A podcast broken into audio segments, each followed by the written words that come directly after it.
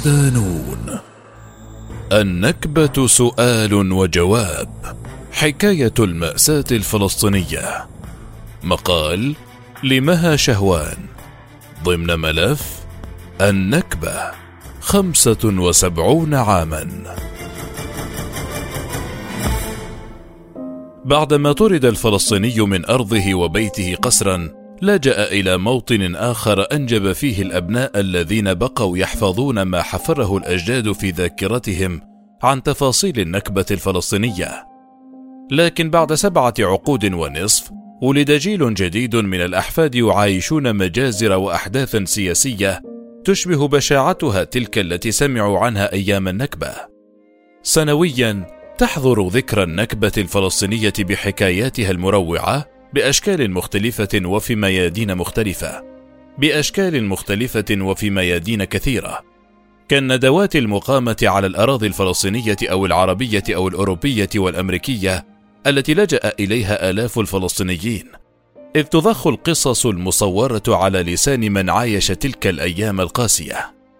تنصت الأجيال الجديدة لتلك الشهادات المروعة حتى يصاب بعضهم بالاستغراب والتعجب من هول الأحداث. فيتجرأ أحدهم بالهمس خلسة إلى أبيه: هل هذه الحكايات حقيقة أم أكذوبة؟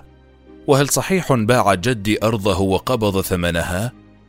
لتنهره عين والده التي بقيت تحفظ مشاهد قاسية من وقت دخول العصابات الصهيونية إلى قريتهم وطردهم، وحتى وصوله وعائلته إلى خيمة في أرض لا يعرفون فيها سوى الذين رحلوا برفقتهم. وينتظرون فرج العودة إلى بيوتهم. وبفعل الأحداث التي اختلط فيها الفلسطيني من الجيل الجديد بمجتمعات مختلفة كان لابد من إطلاعه على أصل حكاية النكبة وتفاصيلها عبر أسئلة يطرحها نون بوست ويجيب عنها بالتاريخ والشواهد. ما هي النكبة الفلسطينية ومتى وقعت؟ النكبة هي المحنة الإنسانية والمأساة المتعلقة بتشريد معظم الشعب الفلسطيني خارج دياره.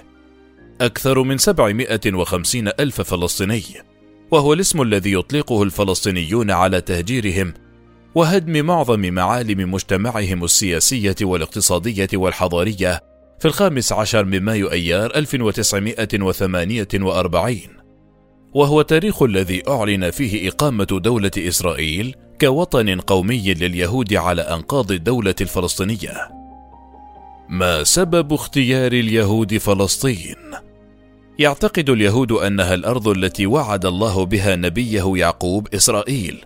الوعد بحسب أقوال كتب اليهود كان في البدء إلى إبراهيم وتجدد بعد ذلك إلى ابنه إسحاق وإلى يعقوب بن إسحاق وحفيد إبراهيم. وأسندت أرض الميعاد لأولادهم وكان وصفها في شروط من الأراضي من نهر النيل إلى نهر الفرات. أين كان اليهود قبل احتلال فلسطين؟ وفقا للكتابات المقدسة اليهودية التي أصبحت تعرف بالكتاب المقدس العبري ينحدر اليهود من شعب إسرائيل القديم الذي استقر في أرض كنعان الواقعة بين الساحل الشرقي للبحر الأبيض المتوسط ونهر الأردن في سنة 1451 قبل الميلاد. لكن لو جئنا إلى العالم الواقعي فقد كان اليهود في القرن التاسع عشر موزعين في كل أنحاء العالم وخاصة أوروبا ولعب الحاخامات دورا في استقطابهم للهجرة إلى الأراضي المحتلة تحت مسمى الدين اليهودي.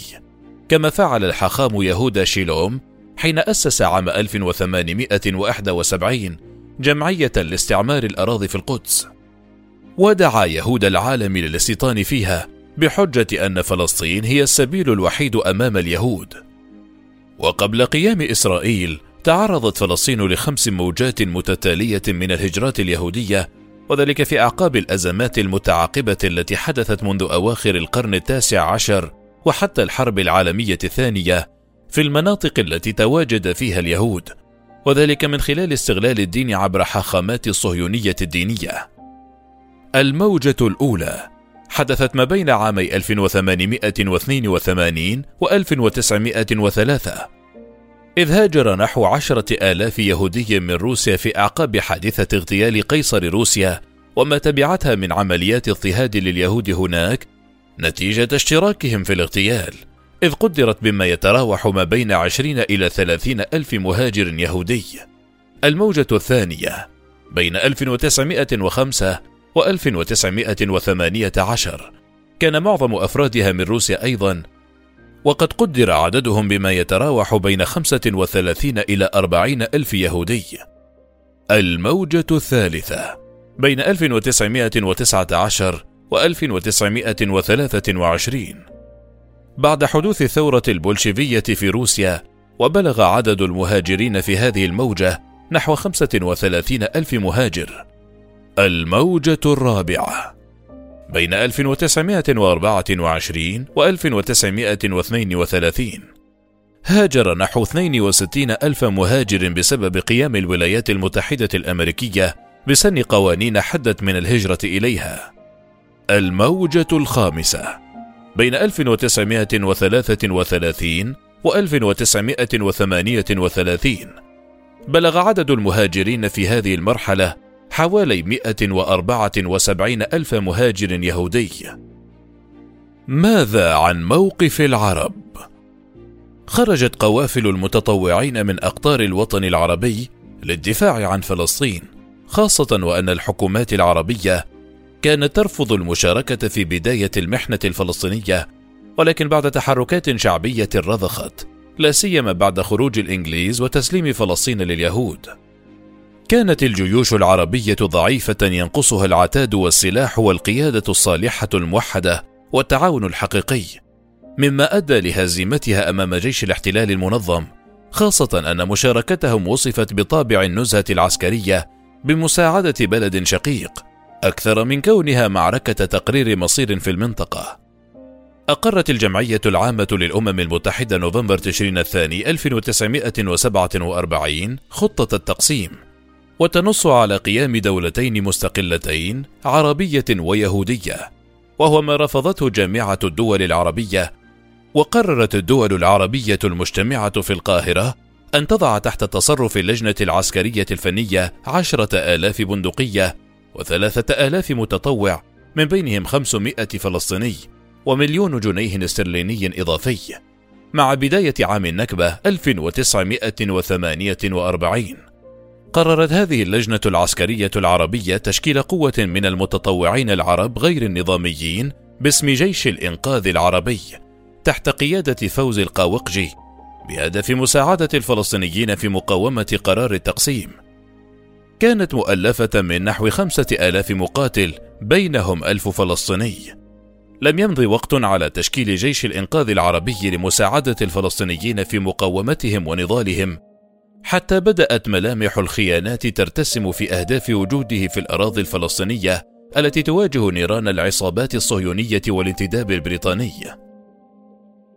من دعم الصهاينة على احتلال فلسطين عام 1948 وعد بلفور هي الرسالة التي أرسلها وزير خارجية بريطانيا آنذاك آرثر جيمس بلفور بتاريخ الثاني من نوفمبر تشرين الثاني 1917 إلى اللورد ليونيل والتر دي روتشيلد أحد زعماء الحركة الصهيونية العالمية يشير فيها لتأييد حكومة بريطانيا لإنشاء وطن قومي لليهود في فلسطين وكان هذا الوعد بمثابة الخطوة الفعلية الأولى للغرب على طريق إقامة كيان لليهود على أرض فلسطين استجابة لرغبات الصهيونية. واستغل اليهود تلك القصاصة الصادرة عن آرثر بلفور المعروف بقربه من الحركة الصهيونية وقرار الجمعية العامة عام 1947 ميلادية القاضي بتقسيم فلسطين ليحققوا حلمهم بإقامة إسرائيل في الخامس عشر من مايو أيار 1948 ما عدد القرى والبلدات الفلسطينية التي احتلت؟ سيطرت العصابات الصهيونية خلال النكبة على 774 قرية ومدينة فلسطينية ودمر اليهود 531 منها بالكامل وطمست معالمها الحضارية والتاريخية وما تبقى أخضع إلى كيان الاحتلال وقوانينه. هل ارتكب الاحتلال مذابح وقت التهجير؟ ارتكبت العصابات الصهيونية أكثر من سبعين مجزرة بحق الفلسطينيين. تمثل كل واحدة منها جريمة حرب وجريمة بحق الإنسانية. وتصنف في إطار جرائم الإبادة الجماعية كما استخدمت هذه العصابات جميع أنواع الأسلحة والأساليب المحرمة دوليا بهدف تهجير العائلات الفلسطينية من أراضيها. كانت العصابات الصهيونية تتلذذ في تعذيب الفلسطيني لإجباره على الرحيل ومن ضمن القصص التي كانت تكرر هي أن تعمد تلك العصابات إلى قتل رجل البيت ثم تضعه على سيارة وتسير به في الأزقة والحارات. ما دفع الناس إلى الفرار خشية على أرواحهم بالإضافة إلى حرق مجموعات رفضت الخروج من بيوتها كم عدد الشهداء والأسرى في معارك النكبة؟ وفق عدة مصادر تاريخية بلغ عدد الشهداء نحو خمسة عشر ألف شهيد فلسطيني وحوالي ثلاثة آلاف إلى سبعة آلاف شهيد من الشهداء العرب أما الأسرى بحسب الصليب الأحمر الدولي وصل عددهم في أعقاب النكبة إلى خمسة آلاف ومئتين وأربعة أسرى منهم أربعة آلاف وسبعمائة واثنين فلسطيني أما ما تبقى فهم من الأردنيين والمصريين والسعوديين والعراقيين واللبنانيين واليمنيين إلى آخره تم إطلاق سراحهم في عملية تبادل أسرى في أواسط مايو أيار 1949 بجانب العرب كيف كان شكل المقاومة الفلسطينية وقت النكبة؟ كان لجيش الجهاد المقدس دور بارز في مقاومة الاحتلال الإسرائيلي وقت الهجرة وهو عبارة عن قوات نظامية فلسطينية تشكلت في صوريف بين القدس والخليل في الخامس والعشرين من ديسمبر كانون الأول 1947 أي بعد صدور قرار تقسيم فلسطين بشهر واحد. تألف من وحدات من قادة ومقاتل الفصائل الفلسطينية المسلحة التي اشتركت في الثورة فترة 1936 1939 وانضم إليه عدد من المجاهدين العرب وكان فيه عشرات ممن اكتسبوا خبرات عسكرية من خدمتهم ضمن قوات الحلفاء في الجيش البريطاني في الحرب العالمية الثانية. وخاض الجيش بقيادة عبد القادر الحسيني معارك ضد قوات الاحتلال البريطاني والصهاينة في منطقة القدس. هل بقي أحد من الفلسطينيين وقت النكبة في بلداتهم المحتلة؟ بقي نحو 150 ألف فلسطيني فقط في المدن والقرى الفلسطينية التي قامت عليها إسرائيل. بقي نحو 150 ألف فلسطيني فقط في المدن والقرى الفلسطينية التي قامت عليها إسرائيل بعد النكبة الفلسطينية. وصل عددهم في نهاية العام 2019 نحو مليون وخمسمائة وسبعة وتسعين ألف نسمة. هل باع الفلسطيني أرضه؟ ولماذا تتردد هذه الشائعة دوما؟ الفلسطيني الأصيل كما لا يفرط في عرضه لا يفرط في أرضه فالعرض والأرض في عرفه وجهان لعملة واحدة. وتروج بعض أجهزة المخابرات العربية لهذه المعلومات الزائفة بقصد النيل من عزيمة الفلسطيني والتنكيل بسمعته وإضعاف روحه المعنوية. في إطار إلقاء اللائمة على الفلسطيني في محنته بدل توجيه تهم التخاذل والخيانة للحكومات العربية التي تطبع مع دولة الاحتلال. أين سكن اللاجئون الفلسطينيون بعد النكبة؟ في مخيمات الأونروا التابعة لوكالة الغوث سواء في فلسطين أو دول عربية وبحسب سجلات وكالة الغوث بلغ عدد مخيمات اللاجئين الفلسطينيين 58 مخيما تتوزع بواقع عشر مخيمات في الأردن وتسع مخيمات في سوريا واثنى عشر مخيما في لبنان وتسعة عشر مخيما في الضفة الغربية وثمان مخيمات في قطاع غزة ما الذي يعيق عودتهم إلى بيوتهم؟ بعد النكبة سن الاحتلال الإسرائيلي سلسلة من القوانين التي تعرقل عودة الفلسطيني إلى بلداته. بل شرع قوانين تمكنه من وضع اليد على العقارات الفلسطينية التي سرقها وقت رحيلهم. وساندت المحاكم الإسرائيلية في ذلك حين أمنت غطاء قانونيا للسيطرة على العقارات والأراضي. ومن أبرز القوانين قانون العودة قانون أملاك الغائبين قانون النكبة قانون الجنسية إلى آخره. وجميعها يأتي لصالح اليهودي الذي يأتي للعيش على الأراضي المحتلة بخلاف الفلسطيني صاحب الحق. كيف كانت فلسطين قبل النكبة؟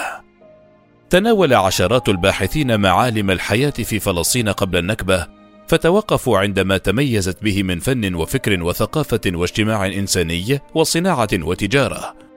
كما شهدت انتشار المسارح والصحف والمجلات والإذاعات وضمت مدنا حدثية يسكنها أكثر من أربعين بالمئة من المجتمع الفلسطيني ما هو حال البلاد بعد التهجير؟ سرقت العصابات الإسرائيلية مباشرة ما في البيوت والمؤسسات الرسمية كالجامعات والمدارس والمراكز الثقافية والصحف وكل ما تحتويه من مخطوطات وخرائط وكتب قديمة أو وثائق تدل على ملكية الفلسطيني لبلده قاموا بسرقته وتحريف ما فيه ونسبه إليهم. ما أبرز المصطلحات التي باتت دخيلة على الفلسطينيين بعد النكبة. الترانسفير عملية تهجير الفلسطينيين وترحيلهم قسرا من بيوتهم ومن منطقة إلى أخرى خلال احتلال فلسطين سنة 1948 بهدف تفريغ الأرض الفلسطينية من أكبر عدد من سكانها عبر تشتيت المجتمع الفلسطيني والاستيلاء على ممتلكاته وإبعاده عن أرضه للقيام بتوطين اليهود من شتى دول العالم في فلسطين. الخط الأخضر الخط الأخضر هو الفاصل بين الأراضي الفلسطينية المحتلة عام 1948 والمحتلة عام 1967 وقد حددته الأمم المتحدة بعد هدنة 1949 الأونروا. هي وكالة الأمم المتحدة لإغاثة وتشغيل اللاجئين الفلسطينيين وتعمل على تقديم الدعم لقرابة خمسة ملايين لاجئ فلسطيني مسجلين لديها. التطهير العرقي. عمليات قتل وطرد وتهجير جماعي بحق الشعب الفلسطيني. أقدم عليها الاحتلال عام 1948 مستخدما القوة المفرطة والقتل الممنهج ما أدى إلى تشريد عشرات الآلاف من الفلسطينيين خارج بيوتهم ووطنهم.